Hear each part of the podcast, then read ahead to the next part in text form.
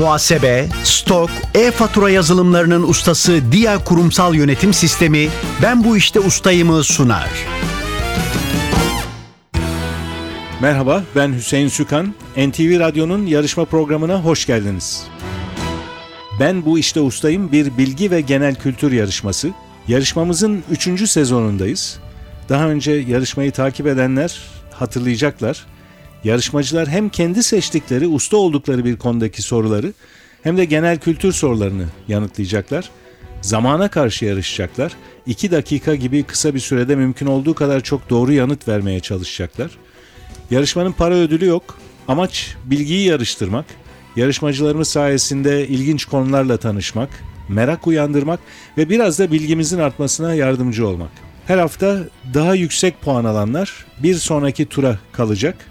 Çeyrek final, yarı final aşamalarını geçip finale kalan ve şampiyon olan yarışmacımız da sürpriz armağanlar bekliyor. İki yarışmacımız var yine. Onları tanıyalım.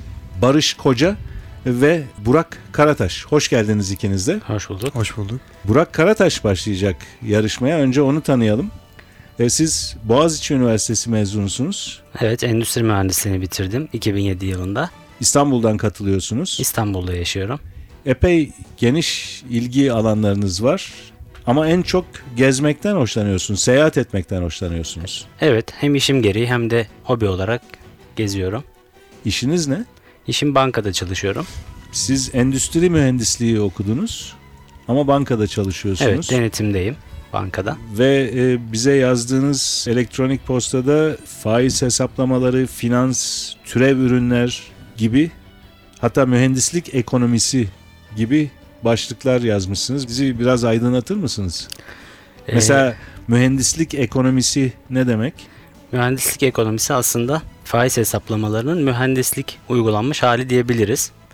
Ee, özellikle üniversitede bu konulara çok ilgim vardı. Daha sonrasında Hollanda'da bir sene çalıştım. Orada türev ürünler alanında çalışmıştım. Orada da aslında bu bilgilerimi kullanmış oldum.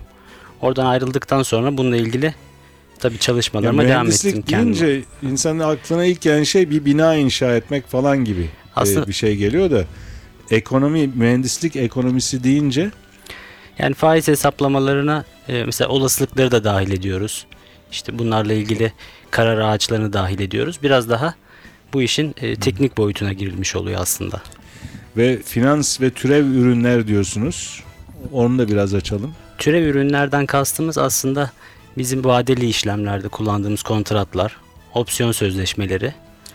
Bu uluslararası krizden önce en çok sözü edilen ürünlerden biri de hedge fund dedikleri çalı fonu gibi tercüme edebileceğimiz bir ürün vardı. O neydi? Hedge fund işte e, daha riskli enstrümanlara yatırım yapan fonlar oluyor. Aslında bu tarz türev ürünlere de yatırım yaptıkları için hedge fonlar bunlarla ilgili diyebiliriz.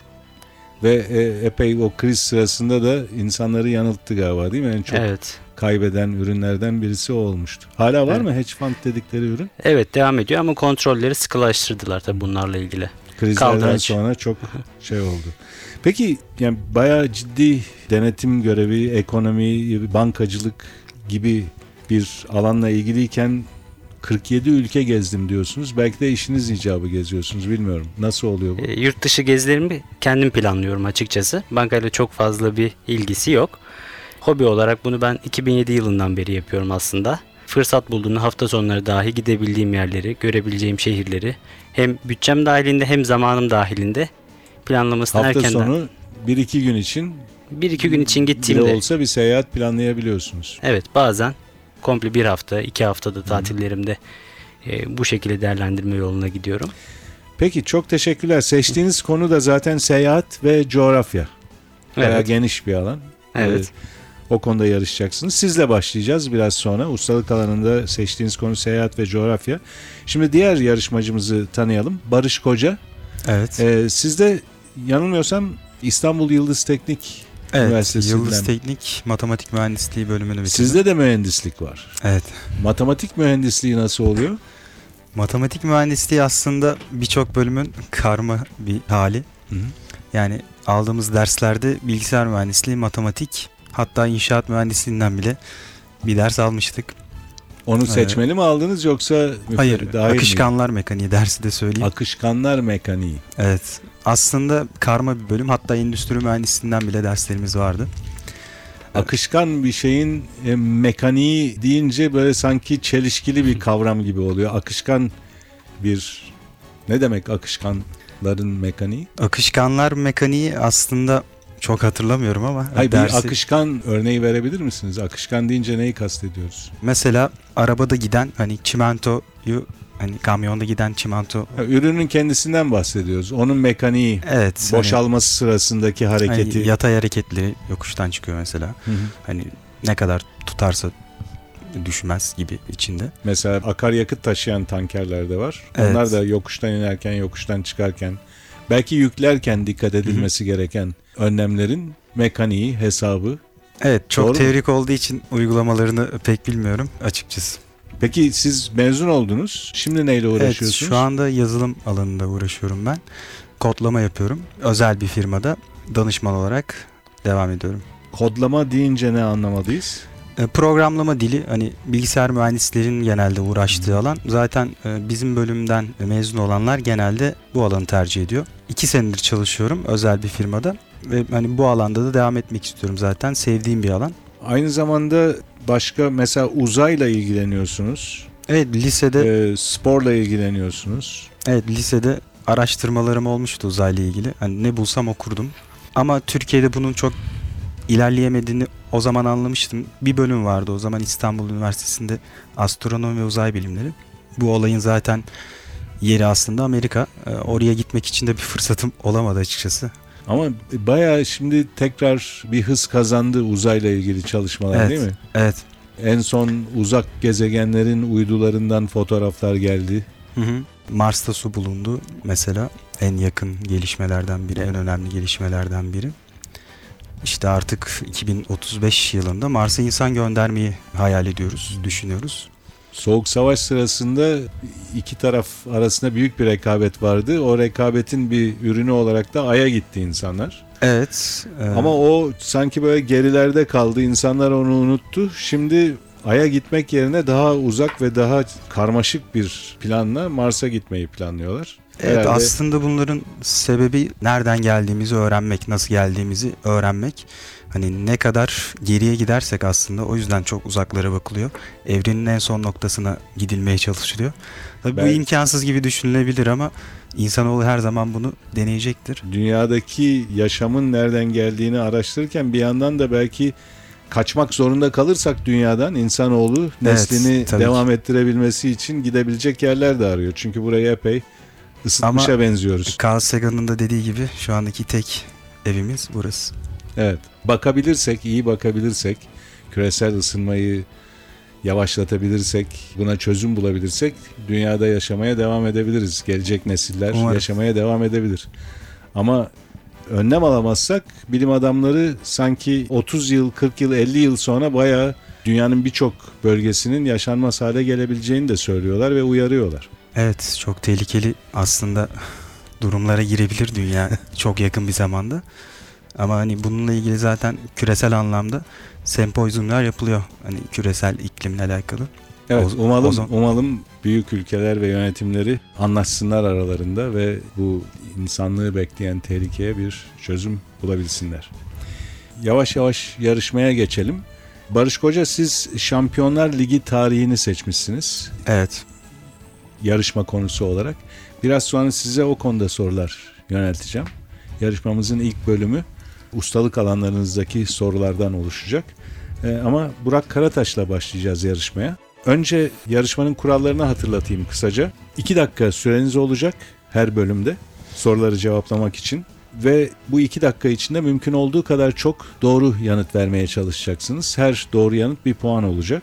Çabuk çabuk cevap vermeye çalışırken hemen aklınıza bir sorunun cevabı gelmezse o soruyu pas geçebilirsiniz. Birkaç kere de pas geçebilirsiniz ama pas sayınız artarsa aranızda bir eşitlik olursa yarışma sonunda o zaman pas sayısını değerlendirmeye alıyoruz ve daha fazla pas geçmiş sorusu olan yarışmacımız kaybediyor. Yarışmaya başlıyoruz yavaş yavaş. Burak Karataş'la başlıyoruz.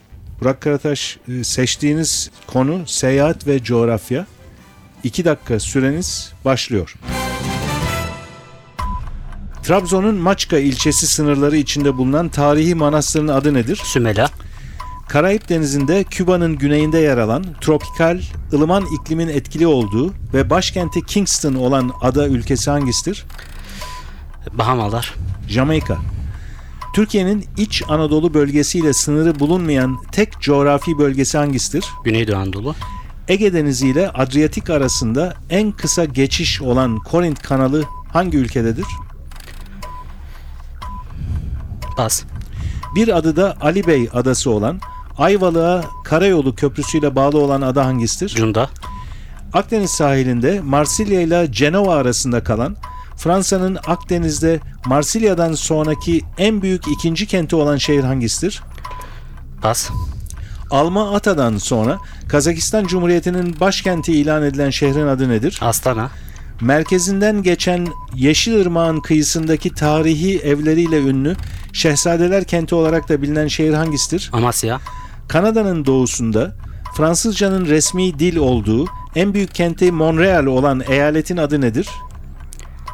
Pas, Knidos antik kenti ve Palamutbükü'nün yer aldığı, berrak denizi ve bol oksijenli havasıyla ünlü Muğla ilçesi hangisidir? Pas, Şehirlerinden bazıları Manastır, Üsküp ve Ohri olan Balkan ülkesi hangisidir? Makedonya, Akdeniz'deki Balear adalarının ve İspanya'nın en büyük adası olan turistik adanın adı nedir? Mallorca, Akdeniz'i İç Anadolu'ya bağlayan Pozantı-Tarsus otoyolunun geçtiği Toros Dağları üzerindeki geçidin adı nedir? Pas, Avrupa'nın en uzun akarsularından biri olan Tuna Nehri, Romanya ile hangi ülke arasındaki uzun sınırı oluşturur? Bulgaristan, 3937 metrelik yüksekliği ile Doğu Karadeniz bölgesinin en yüksek doruğu olan dağın adı nedir? Kaçkar, Kaçkar doğru cevap. Süreniz bitmeden önce başlamıştım bu soruya. Devam ettim o yüzden. Kurallarımız öyle gerektiriyor. Siz de doğru cevap verdiniz. Kaçkar. Burak Karataş 9 soruya doğru yanıt verdiniz. 5 soruyu da pas geçtiniz. O soruları hatırlayalım birlikte. Ege Denizi ile Adriyatik arasındaki en kısa geçiş olan Korint kanalı hangi ülkededir diye sormuştum. Yunanistan'da Korint kanalı. Akdeniz sahilinde Marsilya ile Cenova arasında kalan Fransa'nın Akdeniz'de Marsilya'dan sonraki en büyük ikinci kenti olan şehir hangisidir diye sormuştum bir başka soruda. Onu da pas geçtiniz. Nice kenti. Marsilya'dan sonra Fransa'nın Akdeniz sahilindeki ikinci büyük kenti Nice. Bir başka soru pas geçtiğiniz Kanada'nın doğusundaki eyaletlerden birini sordum. Fransızcanın resmi dil olduğu ve en büyük kenti Montreal olan eyalet Quebec eyaleti. İki soru daha var pas geçtiğiniz. Knidos antik kenti ve Palamutbükü'nün yer aldığı, berrak denizi ve bol oksijenli havasıyla ünlü Muğla ilçesi hangisidir? Datça. Datça. Datça. Şimdi hatırlıyorsunuz. Tabii iki dakika süre baskısı olunca hemen aklına gelmeyebiliyor insanın. Son pas geçtiğiniz soru. Akdeniz'i iç Anadolu'ya bağlayan Pozantı-Tarsus otoyolunun geçtiği Toros Dağları üzerindeki geçidin adı Gülek Boğazı. Teşekkürler. 9 puanınız var ilk bölümden. Biraz sonra genel kültür bölümünde tekrar size genel kültür soruları yönelteceğim. Ben bu işte ustayım. Şimdi diğer yarışmacımız Barış Koca ile devam ediyoruz. Barış Koca'nın seçtiği konu Şampiyonlar Ligi tarihi. 2 dakika süreniz olacak. Kurallar aynı. Hemen yanıtını hatırlayamadığınız bir soru olursa pas geçebilirsiniz. Süreniz başlıyor. 2003-2004 sezonunda Jose Mourinho'nun yönetiminde Şampiyonlar Ligi şampiyonu olan takım hangisidir? Bayern Münih, Porto doğru cevap. 1999 Şampiyonlar Ligi finalini yönetmiş dünyaca ünlü İtalyan hakem kimdir? Bas, Şampiyonlar Ligi'nde son 10 yılda en fazla şampiyon olan takım hangisidir? Barcelona, Atatürk Olimpiyat Stadı hangi yıl Şampiyonlar Ligi finaline ev sahipliği yapmıştır? 2005, Avrupa'da Kupa 1 olarak bilinen Şampiyon Kulüpler Kupası'nın Şampiyonlar Ligi adını aldığı yıl hangisidir? 1992-93 sezonu, Borussia Dortmund'un başında 2013 yılında Şampiyonlar Ligi finali oynayan teknik adam kimdir? Jurgen Klopp, Milan'ın Juventus'e karşı penaltı atışlarıyla kazandığı 2003 Şampiyonlar Ligi finali hangi stadyumda oynanmıştır? Old Trafford. 92 yılından bu yana Şampiyonlar Ligi'ni 3 kez kazanma başarısı gösteren tek teknik direktör kimdir? Bas. Şampiyonlar Ligi'nde final oynayan ilk Türk futbolcu ünvanı kime Yıldıray aittir? Baştürk. Şampiyonlar Ligi'nde en fazla gol atma rekorunu elinde tutan futbolcu kimdir? Cristiano Ronaldo. 2007-2008 sezonu Şampiyonlar Ligi'nde hangi ülkenin 3 takımı birden yarı finale kalmıştır? İngiltere. Galatasaray 2012-2013 sezonu Şampiyonlar Ligi çeyrek finalinde hangi takımla karşılaşmıştır? Real Madrid. 2010 Şampiyonlar Ligi finalinde Inter formasıyla Bayern Münih'e 2 gol atan Arjantinli futbolcu kimdir? Diego Milito. Manchester United formasıyla 145 Şampiyonlar Ligi maçına çıkan Galli oyuncu kimdir? Ryan Giggs. 2000 ve 2001 yıllarında üst üste iki kez final oynamasına rağmen kupayı kazanamayan takım hangisidir? Valencia. Valencia doğru cevap. Bu arada süreniz de doldu. Barış Koca Şampiyonlar Ligi tarihi konusunu seçmiştiniz. 12 soruya doğru yanıt verdiniz. 2 soruyu da pas geçtiniz. O soruları hatırlayalım. 1999 Şampiyonlar Ligi finalini yönetmiş dünyaca ünlü İtalyan hakemin adını sormuştum. Hatırlıyor musunuz şimdi? Massimo. Yok. Pierluigi Ha, Collina. Collina. Evet. Ve ikinci pas geçtiğiniz soru 92 yılından bu yana Şampiyonlar Ligi'ni 3 kez kazanma başarısı Ancelotti gösteren tek teknik direktör Ancelotti. Doğru. Carlo Ancelotti. 12 puanınız var. Genel kültür bölümüne taşımak üzere. Biraz sonra genel kültür bölümünde yeniden size soru yönelteceğim.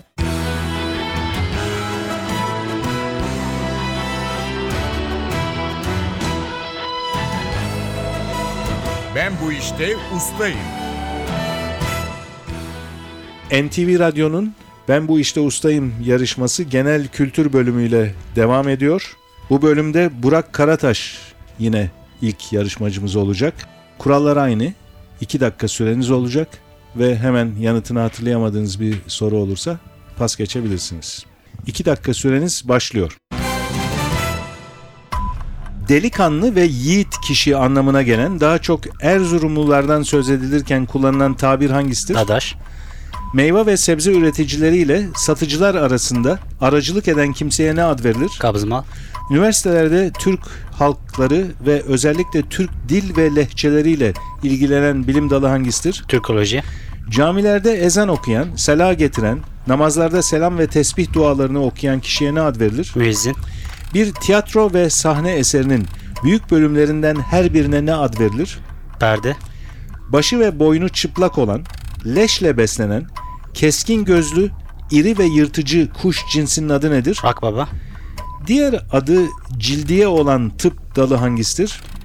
ee, deri hastalıkları, Dermatoloji doğru cevap.